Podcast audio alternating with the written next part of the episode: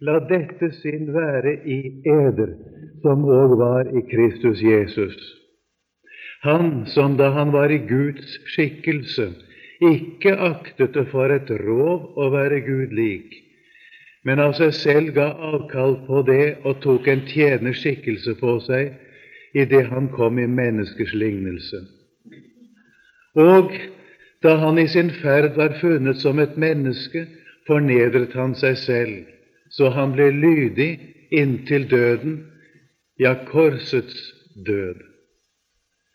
Derfor har òg Gud høyt opphøyd ham og gitt ham det navn som er over alt navn, så at i Jesu navn skal hvert kne bøye seg, dere som er i himmelen og på jorden og under jorden, og hver tunge bekjenne at Jesus Kristus er Herre til Gud Faders ære. Amen. Det som vi skal stanse for i dette ordet i dag, er hva vi kunne kalle Sønnens gang, om vi bør ta, ta bruke det uttrykket da, fra Faderen gjennom fornedrelsen og tilbake til herligheten. Det står om Guds sønn at han aktet ikke for et rov å være Gud lik da han var i Guds skikkelse. Altså, det var ingen tilsnikelse. Det er ikke noe urettmessig å si om han at han er Gud lik, fordi han er Gud. Vi leser om det i begynnelsen av Johannes evangeliet. I begynnelsen var Ordet, og Ordet var hos Gud, og Ordet var Gud. Her står det altså egentlig betonet slik i grunnteksten Gud var Ordet. Han var i begynnelsen hos Gud, og alt er blitt til ved ham, og uten ham er ikke noe blitt til av alt det som er blitt til. Og så står det lenger nede i kapitlet og ordet ble kjød. Om han er det da sagt før han blir menneske. Han er i Guds skikkelse, det vil si i Guds herlighetsskikkelse. Og han akter ikke for et rov å være Gud lik. Det er hans natur, det er hans vesen.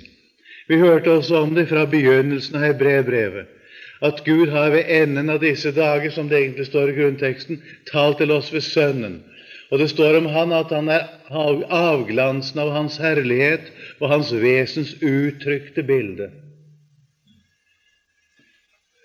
Nå står det videre at han av seg selv ga avkall på det og tok en tjeners skikkelse på seg, i og med, står det egentlig, at han kom i menneskers lignelse. Guds sønn gir avkall på noe. Grunnteksten bruker der ordet 'han uttømte seg selv for noe'. Hva var det han ga avkall på? Her blir det ofte sagt at Guds sønn ga avkall på å være Gud lik. Og det kan jo faktisk se ut slik når vi leser vår oversettelse, etter ordstillingen. Han som, ikke, han som da han var i Guds skikkelse, ikke aktet det for et rov å være Gud lik, men av seg selv ga avkall på det og tok en tjenerskikkelse på seg, altså ved å ta en tjenerskikkelse på seg nøyaktig, og ved å komme i menneskets lignelse. Det kan faktisk se ut slik etter ordstillingen at det som da Guds sønn gir avkall på, er å være Gud lik. Men jeg sier med en gang det ville jo ha vært det samme som at han opphørte å være Gud. Det er dette som er den farlige vranglære om Jesu person under hans jordeliv at han ikke er allmektig, at han ikke er allvitende, at han ikke har sine guddomsegenskaper. Det blir jo lært av en, en teologisk retning vi kaller det kenose-teologi. Og det er ikke bare liberale teologer som nekter Jesu guddom på den måten. De sier jo at Jesus bare er et ordinært menneske. De nekter i det hele tatt at han er Guds sønn i ordets egentlige forstand. Guds sønn det er bare et vurderingsuttrykk. Eller som bultmanianerne sier, det er uttrykk for Kirkens tro om ham, ikke for hvem han virkelig er. Her kommer Det nye testamentet og sier at han eksisterer fra begynnelsen av. Han er Gud. Han var hos Gud, og han var Gud. Altså, han er identisk med Gud, men forskjellig fra Faderen. Vi kan jo ikke tenke oss dette, vi. Vi kan ikke tenke oss at Gud er én og samtidig er tre, at han er tre og dog er én.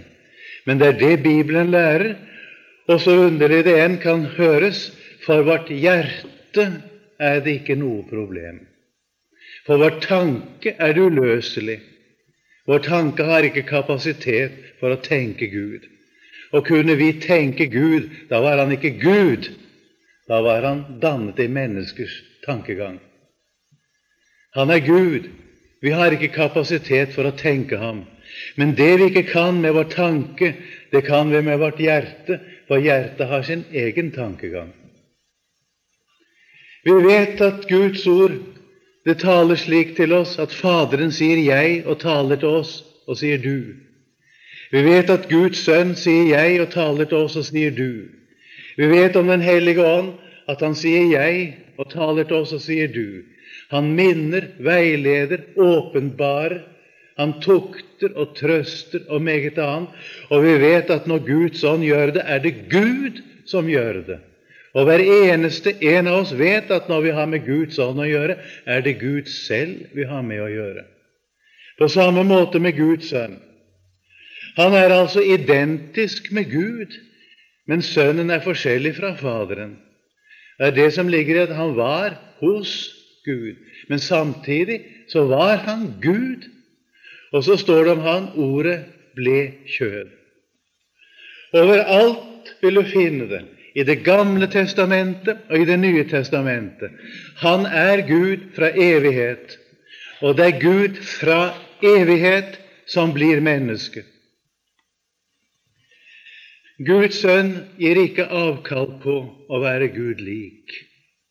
Jesus Kristus under sitt jordeliv har ikke avlagt sine guddomsegenskaper. Hva er det da han har gitt avkall på. For det står jo det han ga avkall på det.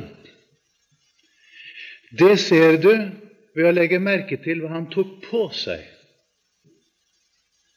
Det han tok på seg, det må jo nødvendigvis svare til hva han ga avkall på. Hva var det han tok på seg? Jo, en tjeners skikkelse. Det som Guds sønn ga avkall på, var altså å være Guds skikkelse. Han ga avkall på å være Guds herlighetsskikkelse og kom i fornedrelse. Han kom ikke i Guds herlighetsskikkelse. Det er han avkall på. Han kommer i en tjeners skikkelse og oppfyller på den måten hva det så mange, mange steder er sagt om ham i Det gamle testamentet. Herrens tjener, står det, som jeg legger min ånd på. Herrens tjener, du kjenner det best kanskje hos profeten Esaias i kapittel 53. Herrens tjener, straffen ble lagt på ham, står det, for at vi skulle ha fred. Ved hans sår har vi fått lekedom blant de mange ting som sies om ham der. Jesus sier selv om det i Matteus 20, 28, menneskesønnen er kommet ikke for å la seg tjene, men for selv å tjene og gi seg selv til løsepenge istedenfor de mange. Du hører han er kommet for å tjene. Han tok altså en tjeners skikkelse på seg og det igjen skjedde ved at han ble menneske. Det står i det han kom i menneskers lignelse. Hvorfor står det det? Jo, for å markere at han er et virkelig menneske, men ikke syndig menneske. Han er menneske som du og jeg, men det er ingen synd ved ham. Ikke er det synd i hans gjerninger, ikke er det synd i hans kjød. Det er som det heter i 2. Korintiene 5,21 Han som ikke visste av synd. Og i Hebreerne 4, det ordet som også ble lest til å begynne med blant andre ord, dog uten synd, står det om ham. For å få dette frem er det det står at han kom i menneskers lignelse, akkurat som det i Romerne 8 står at han kom i syndig kjøds lignelse. Altså det virkelig komme i kjød, men ikke i syndig kjød. Guds sønn ga avkall på å være Guds skikkelse og kommer altså og blir menneske. Og hva betyr det? Det betyr at Guds sønn kommer for å være din og min representant. Han kommer for å frelse deg og meg. Og det kan ikke Guds sønn gjøre uten å ta på seg kjød og blod. Mennesket Jesus Kristus betyr altså ikke at Gud har tatt bolig i et menneske. Men det betyr at Gud selv blir menneske. Og det er to forskjellige ting. Det er ikke et menneske først, og så tar Gud bolig i dette mennesket.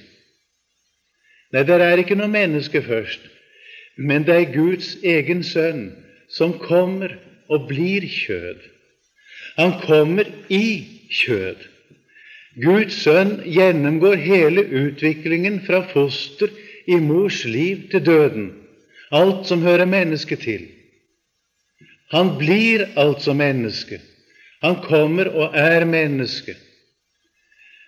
Og med det, skjønner du, kommer han for å være din og min representant, din og min stedfortreder. I dette mennesket forenes da Gud og mennesket i én person. Dette mennesket er Gud samtidig som han er menneske. Samtidig som han er Gud, er han altså også et virkelig menneske. Og i Jesus er det ikke to forskjellige naturer, en guddommelig natur og en menneskelig natur, sånn som det er to naturer i en kristen. Vi har en gammel, medfødt natur, og vi har en ny natur som er født av Gud i oss. Det er to naturer i en kristen, og de er meget atskilt i en kristen. Det er ikke slik med Guds sønn. Det er Gud som tar på seg kjød. Og den guddommelige og menneskelige natur i Jesus er ett og det samme. For det er Gud som er menneske, og det er mennesket som er Gud. Og dette er umulig å forklare på annen måte enn det jeg gjør det nå. Men det som Guds ord sier, er altså at det mennesket Jesus Kristus er Gud, og at det er Gud som er dette mennesket. Og så er Han kommet for å leve vårt liv. Det står at han kom i menneskers lignelse, og så skal du legge merke til da han i sin ferd var funnet som et menneske, fornedret han seg selv.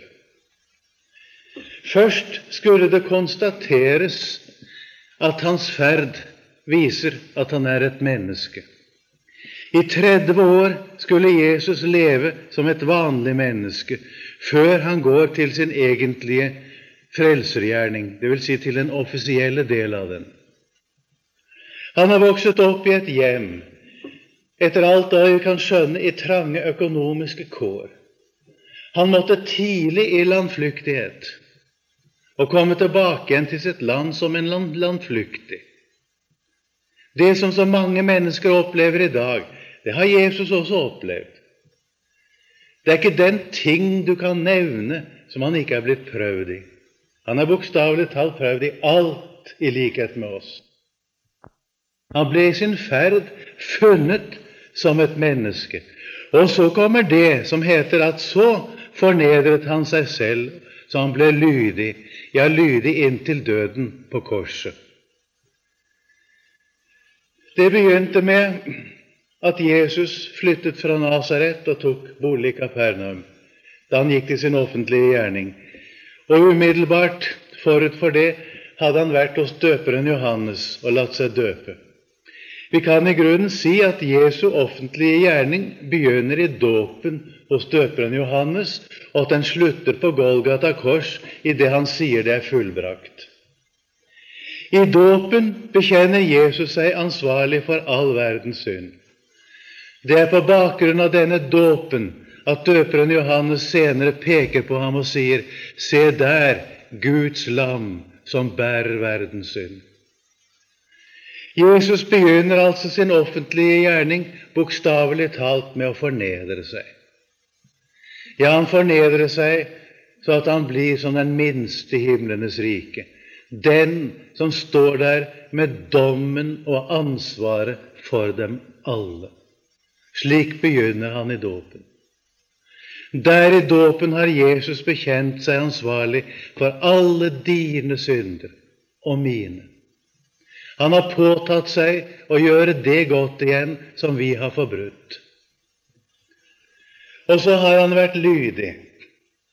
Det står om Jesu lydighet også i Hebreerbrevets femte kapittel. Det står at skjønt han var sønn, lærte han lydighet av det han led. Det ordet må vi ikke misforstå, og vi må ikke si, som vi ofte hører, at ja, trengte han å lære lydighet av det han led, så trenger vi det enda mer. Det er farlig å si slikt, fordi det avleder tanken fra det det er tale om i Hebreerne 5. Vi må nemlig lære lydighet fordi vi er ulydige. Men det var ikke han. Jesus var aldri ulydig. Han trengte ikke å lære lydighet fordi han var ulydig. Men han trengte det for, som ordet sier videre, å fullendes som vår frelses høvding. Der Jesus ligger i krybben, er han altså Gud, og han er Messias. Men han kan ikke bli vår frelser bare med det. For å fullendes som frelser for oss, så må han stilles på våre prøver. Han fristes med våre fristelser, som vi leser om. Han blir prøvet i alle ting i likhet med oss. Han lever et menneskes liv slik som det skal leves efter Guds hellige lov. Det som det står om i Salme 8, om Guds plan og idé med mennesket, her står det bl.a.: Du gjorde ham lite ringere enn Gud. Det er det Jesus som virkeliggjør. Det leser vi om i Hebrebrevets annet kapittel, at det som Salme 8 sier om mennesket, det har Jesus fullbyrdet. Han er den som virkeliggjør Guds plan og idé med mennesket. Han er menneske med stor M og kaller seg da også for menneskesønnen. Menneske, det virkelige mennesket, det mennesket nemlig som holder mål som menneske overfor Guds hellige lov. Alt dette er Jesus. Og så forstår du han er det som du og jeg skulle ha vært, men ikke er. På samme måte gjør han det du og jeg skulle ha gjort, men ikke kan på grunn av vår synd.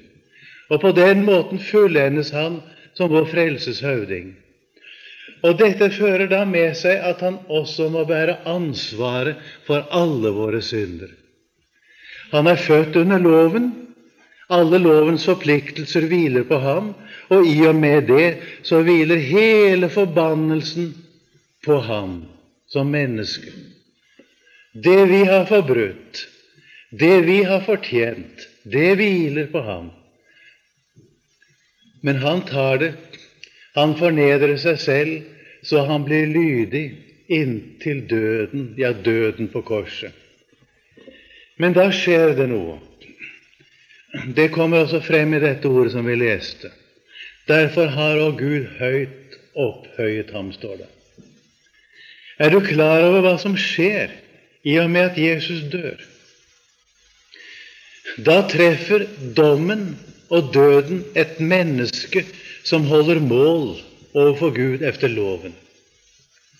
Jesus er syndfri, som vi nettopp har sagt. Jesus svarer til alle lovens krav. Jesus har gjort hva loven krever av mennesket for at det skal holde mål overfor Gud. Jesus har vært alt hva mennesket skal være overfor Gud. Nå sier loven det mennesket som gjør disse ting, skal leve ved dem. Det er lovens budskap.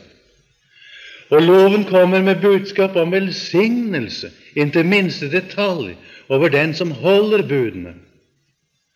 Dette har Jesus gjort. Merk deg at Jesus, han har som menneske rett til å leve. Han har den livsrett Gud lover mennesket i loven. Han har den rett til velsignelse som Gud lover mennesket i sin hellige lov. Når vår synd, vår dom, rammer Jesus, kan derfor Jesus ikke bli i graven allikevel. Gud oppvakte ham fra de døde, står det. Det er særlig det som understrekes i forbindelse med Jesu oppstandelse. Det kunne godt ha stått at han tok sitt liv igjen. Han hadde full rett til det. Han hadde også makt til det. Men legg merke til at han gjør ikke bruk av sin makt på den måten.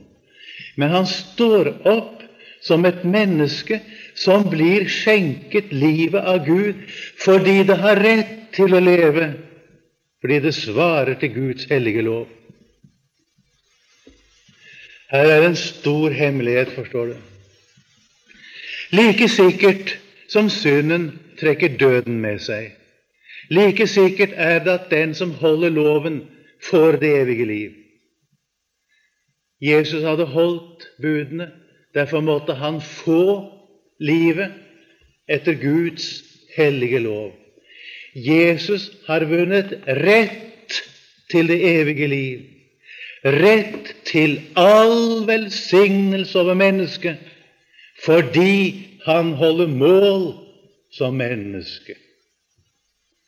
Det er det oppstandelsen er vitnesbyrd om. Derfor oppvakte Gud ham fra de døde. Jesu oppstandelse viser at Jesus har seiret over våre synder. Det viser at Jesus er blitt rettferdiggjort fra de synder han tok på seg for vår skyld, og som brakte ham inn i dommen og døden og fortapelsen. Verken dom eller død eller fortapelsen kunne holde Jesus. Han tok det, og han seiret.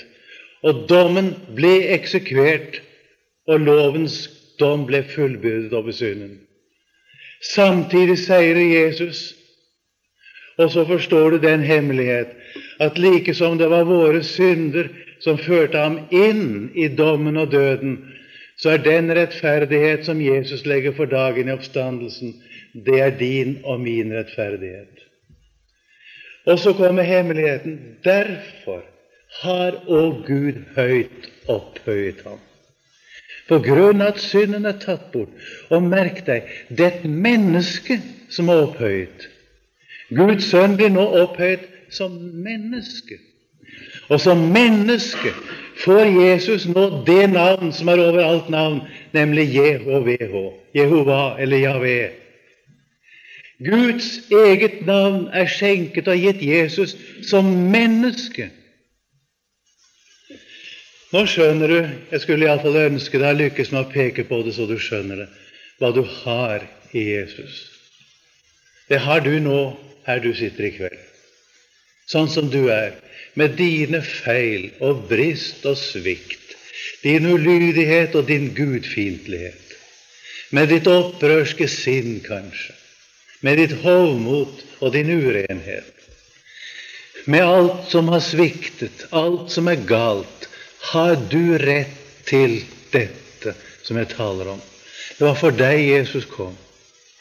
Han kom som en frelser. Jesus har tatt din synd. Jesus er blitt din rettferdighet. Men det er ikke bare det at du får syndernes forlatelse. Du får mer. Det har fått dobbelt av Herrens hånd for alle sine synder. Det er dette Jesus har gjort. For det første har han gjort oss gjeldfri. Han sa det på Golgata kors, det er fullbrakt. Han utslettet skyldbrevet mot oss, det som var skrevet med bud, det som gikk oss imot, og det tok han bort idet han naglet det til korset. Og hver eneste som tror på ham, er skyldfri og gjeldfri. Men ikke bare det. Du kan leve som en kristen, og du lever ikke syndfritt etter at du er blitt en kristen heller. Men du kommer ikke i ny gjeld. Det kommer av at du er satt i himmelen i Kristus Jesus. Etter oppstandelsen har Jesus fart opp til himmelen og tatt plassen som din og min representant. Derfor heter det at om noen synder, da har vi en talsmann hos Faderen, Jesus Kristus, den rettferdige. Og han er en soning for våre synder, og ikke bare for våre, men for hele verdens. Du får leve som en kristen på grunn av det du har i Jesus ved Guds høyre hånd. Og vil du vite hva du har å bygge på som kristen, så se ikke inn i ditt hjerte, men se hva Gud så sier om Han, som åpenbares for deg i himmelen. Det står meget om Han. Vi er velsignet med all åndelig velsignelse i himmelen i Kristus Jesus. I Ham står det, bor hele guddommens fylde legemlig. Det betyr at vi har et menneske der som representerer oss. Og I er fylt i Ham. Dette skal du gjøre bruk av. Dette er hva Guds ord forkynner oss om vår frelser. Amen.